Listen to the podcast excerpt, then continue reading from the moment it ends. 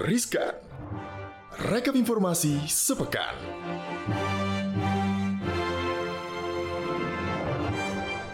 Hai Sobat Cuan Seperti biasa Kalau sudah ada Maria Katarina dan Angel Valentina. Berarti kita ada di Riskan. Rekap informasi, sepekan Yeay Seperti biasa ya Sebelum weekend dengerin dulu deh podcast Cuap Cuan ya karena selalu ada yang paling update, apalagi ada yang deg-degan nih, Angel. Siapa ya? Aduh, kalau kalau yang deg-degan teman sendiri sih bodo amat ya, tapi dia teman kita juga sih. Teman banget. Soib ya. Soib Besti nih kayaknya. Pak Jokowi Injal mulai deg-degan karena katanya diperkirakan 80 juta orang siap mudik tahun ini nggak dilarang-larang lagi. Pak Jokowi ini mulai was-was karena sudah mengetahui bahwa fakta sekitar 79 juta orang ini berencana untuk mudik lebaran pada tahun Wow. ini. Ini Hmm. berdasarkan dari survei Litbang eh, Kementerian Perhubungan periode 9 sampai 21 Maret Yes. yang menunjukkan adanya potensi pergerakan nasional sebanyak 79,4 juta orang yang akan berpergian keluar kota selama periode lebaran. Goks, goks. Dan ternyata nih, Jal, jumlah Mm-mm. tersebut tuh meningkat pesat loh kalau dibandingin uh, pada Mm-mm. survei sebelumnya. Karena saat belum ada ketentuan penghapusan tes antigen dan Mm-mm. PCR nih harus Mm-mm. berdasarkan uh, harus ada tesnya, harus PCR, antigen kalau mau ke mana-mana ya. Pada saat survei periode 14 sampai 28 Februari, potensi pergerakan dari orang yang akan mudik nih cuman 55 juta orang. Nah, hasil survei ini juga menunjukkan adanya potensi pergerakan masyarakat Jabodetabek nih 13 juta selama lebaran. Jumlah tersebut setara 38,35 persen dari jumlah penduduk Jabodetabek atau sekitar 33,9 juta. Eh, kosong dong Jakarta. Tapi Foto di berarti bundaran HI. jumlahnya ini cuma periode survei yang dilakukan ini cuma satu bulan, tapi jumlah meningkatnya hampir eh, 30 persen gitu ya dari Iya. 55 juta langsung ke 79,4 juta. Gila, gitu gila, ya. gila, gila. Nah, jumlah pergerakan masyarakat Jabodetabek ini mendekati periode pra-pandemi di tahun 2019 yaitu 14 juta. Mhm. Pergerakan masyarakat di Jabodetabek pada lebaran tahun 2020 dan 2021 ini menurun drastis. Mhm. Yaitu 3,5 juta pada 2020 dan juga 3,1 Iya kan dilarang-larang ya kan? Iya, pada 2021. Ini kan juga udah masuk fase yang pandemi Delta lah Iya, gitu benar, kan, benar, benar, Omikron. benar. Jadi udah mulai pada takut tuh. Akhirnya turun deh nih. Mhm. Nah, Jokowi sendiri sih sebenarnya nggak mempermasalahkan ya masyarakat yang mau wisata nih nanti saat Mm-mm. mudik Lebaran. Tapi ex Gubernur DKI Jakarta nih zaman dulu ya, Mas Jokowi ya presiden kita agak mengingatkan ya agar masyarakat tetap patuh pada protokol kesehatan. Harus Bener. meskipun udah turun jumlah Sosokan udah udah booster juga udah ya. booster juga, tapi tetap ya masih ada kok virusnya di tengah-tengah. Jadi tetap jaga protokol kesehatan. Bener ya pokoknya selamat mudik hati-hati jaga kesehatan jaga prokes yang jelas eh, selamat eh, berhari raya nantinya ya. bertemu Tapi puasa dulu ya. Iya benar, kita puasa dulu guys. Puasa dulu.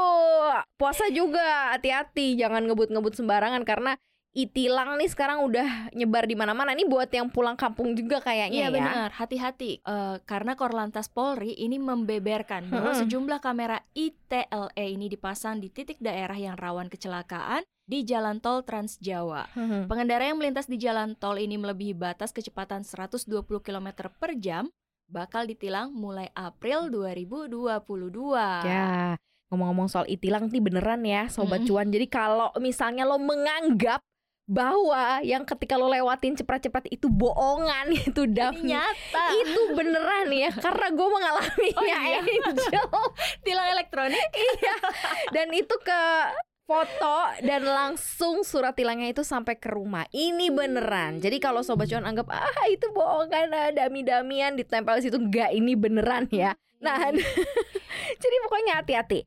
Direktur Penegakan Hukum Korlantas Polri, Abrijan Aan Suwanan menjelaskan baru ada tujuh titik nih yang dipastikan akan menjadi lokasi penerapan e-tilang dan dia juga menyebut masih akan ngecek lagi data lengkap mengenai penerapan uh, tilang ini ya. Sehingga para pengendara yang melintas di jalan tol melebihi batas kecepatan mulai April 2022 ini akan ditilang dan batas kecepatan itu ditentukan di 120 km per jam. Dendanya ini sama ya kayaknya 500 ribu juga ya bagi Iya. para pelanggar ya. Eh dan denda 500 ribu itu beneran loh. Oh, dan iya. gue harus bayar 500 ribu karena kalau enggak ketika perpanjangan STNK itu ketahuan kalau lo belum bayar tilang. Belum bayar tilang. Aduh jadi pokoknya udah deh macam-macam nih udah makin di bagus. Iya, makin Hmm. bagus sebenarnya peraturan ini. Oke, dikutip dari laman Korlantas Polri, hal itu dimungkinkan karena Korlantas Polri ini bakal memasang speed kamera di sejumlah titik di jalan tol Mhm. untuk mengintai kalian, sobat cuan, para pengendara yang kerap memacu kecepatan kendaraannya. Emang sih, tol ini kan merupakan jalan bebas hambatan ya, tapi ya ada Mm-mm. batas kecepatan yang harus dipatuhi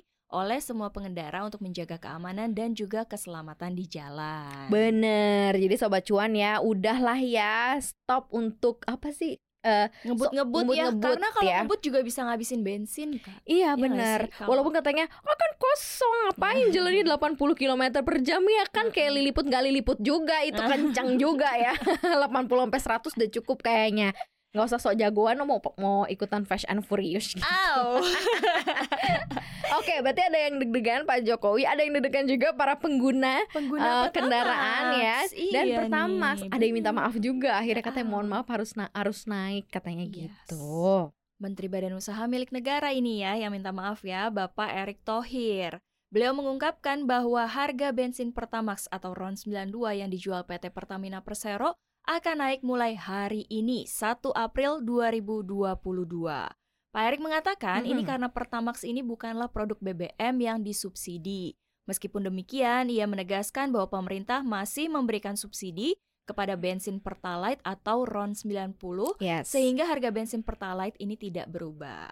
Ya, Erick juga menuturkan bahwa pemerintah sudah memutuskan Pertalite dijadikan subsidi, sementara Pertamax enggak. Kalau Pertamax naik ya mohon maaf. Mohon Kalau maaf, Pertalite disubsidi. Oke. gitu. Dia juga menyebut bahwa subsidi BBM yang digelontorkan pemerintah telah mencapai puluhan triliun per tahun. Di sisi lain ya, pemerintah juga hadir dengan memberikan bantuan sosial dan lainnya. Kenaikan harga Pertamax ini juga kan dipicu ya oleh semakin beratnya beban keuangan perusahaan Mm-mm. akibat harus menanggung selisih antara harga pasar dan juga harga jual Pertamax. Iya, Harga berapa pasar tuh? Pertamax ini pada Maret ini disebut telah mencapai Rp14.526 per liter, sementara harga jualnya kini Mm-mm. masih ditahan pada Rp9.000 per liter. Jadi agak jauh, Jauh, gitu ya harga jauh, jual jauh, dan jauh. harga ininya ya. Bahkan bila dibandingkan dengan badan usaha swasta lainnya, Yes. harga bensin RON 92 ini tuh berada di rata-rata kisarannya tuh Rp12.000 sampai Rp13.000 per liter untuk non Pertamina. Jadi lumayan jauh ya, kayak misalnya Jauh, Shell jauh. gitu kali Iya, ya. iya, iya, iya, itu iya. udah di 12 sampai 13.000 sementara Pertamina masih 9.000 gitu. Nah, Jadi berapa ya kira-kira harga Pertamax nih di 1 April mungkin uh, sobat cuan yang udah keliling udah ke pom bensin ya. Apa masih di uh, kisaran harga pesaing Pertamina yakni kisaran 12 sampai 13 ribu per liter atau di bawah itu? Jawabannya adalah Pertamina melalui PT Pertamina Patraniaga telah memberlakukan harga baru bahan bakar minyak atau BBM jenis Pertamax mulai hari ini. Harganya berapa? Nah, harganya untuk BBM non subsidi gas online RON 92 itu disesuaikan harganya ini menjadi 12.500 per liter untuk daerah dengan besaran pajak bahan bakar kendaraan bermotor ini 5% dari harga sebelumnya yaitu Rp9.000 per liter. Sementara itu harga BBM jenis Pertalite tidak berubah alias tetap Rp7.650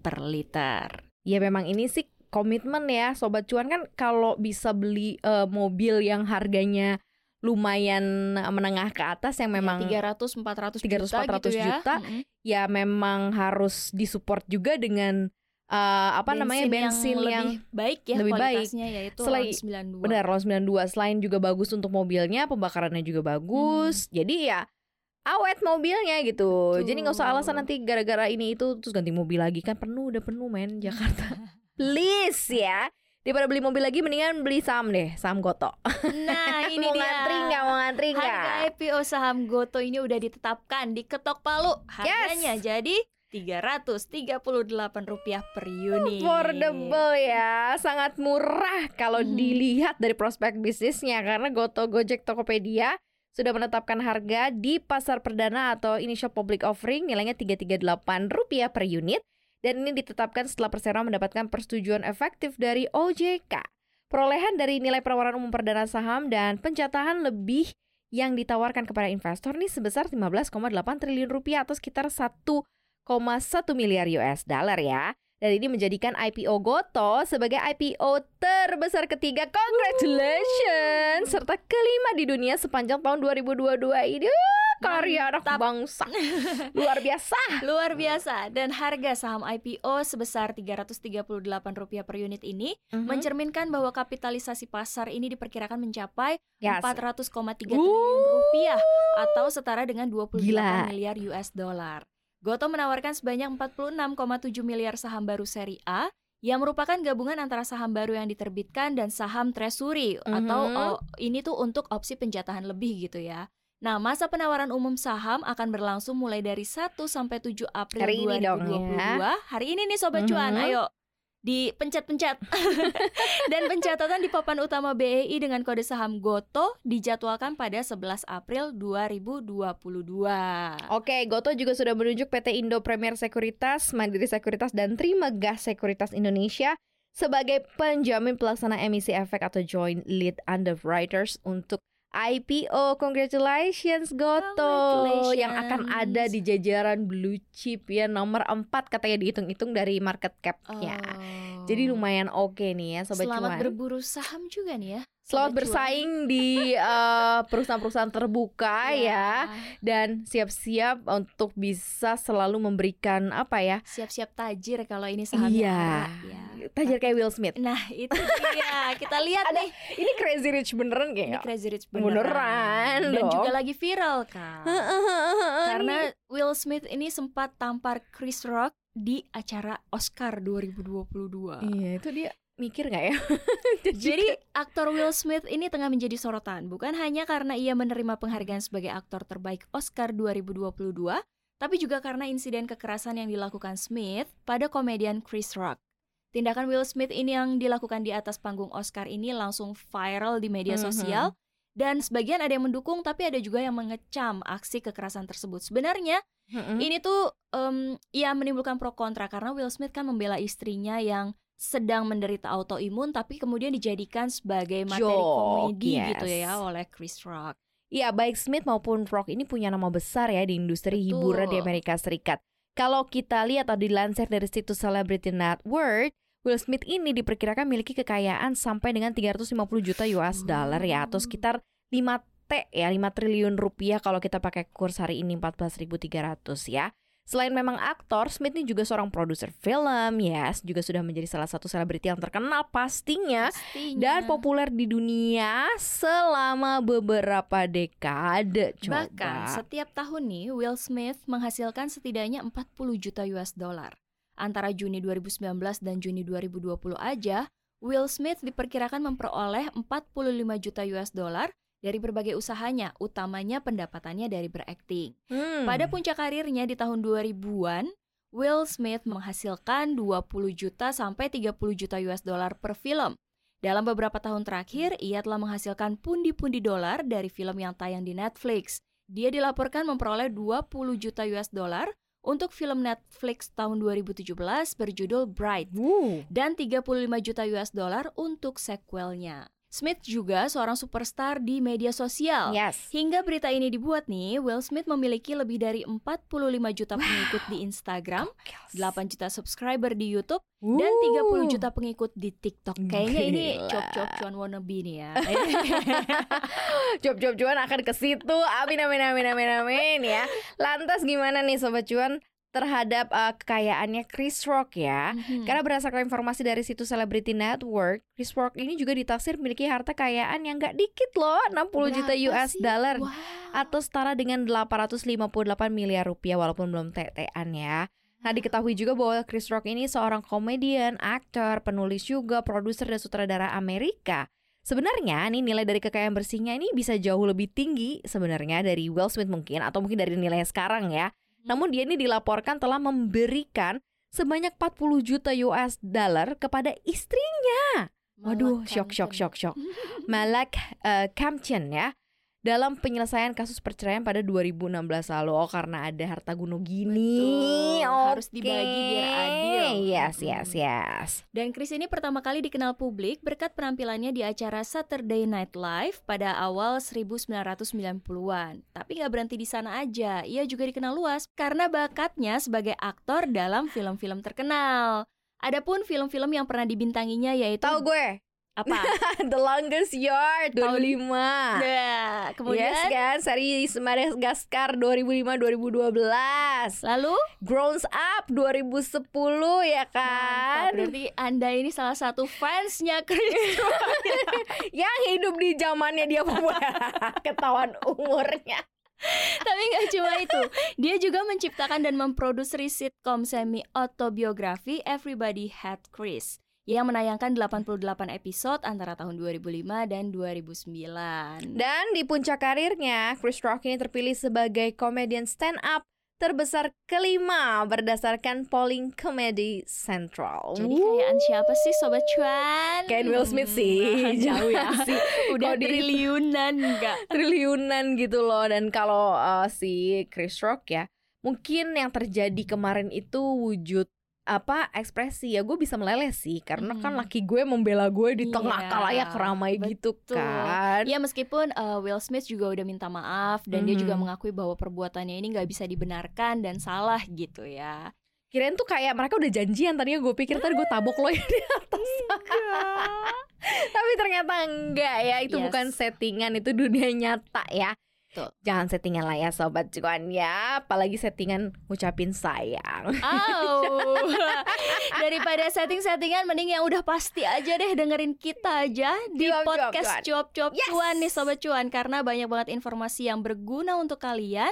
Di mana aja kita bisa dengerinnya Kamaria? Kita bisa dengerin uh, konten-konten s- di Spotify, Apple Mhm. Podcast, Google Podcast, dan juga Anchor. Jangan lupa follow akun Instagram kita ya, Sobat Cuan-Cuanku yang tercinta di @cuap underscore cuan. Dan juga jangan lupa subscribe YouTube channel kita, nyalahin lonceng notifikasinya supaya kalian tahu ketika kita upload video-video terbaru di cuap cuap cuan. Jangan lupa di Yeah. share, komen, dan subscribe juga ya. Konten kita paham, interview, dan juga koneksi tayang juga loh di CNBC Yes. Indonesia TV, Sobat Cuan. Selamat menyaksikan Sobat Cuan dan selamat mendapatkan ilmu cuannya Pasti. ya. Terima kasih sudah dengerin Riskan hari ini, Sobat Cuan. Maria Katarina pamit. Angel pamit. Happy weekend. Happy weekend. Bye-bye Sobat Cuan.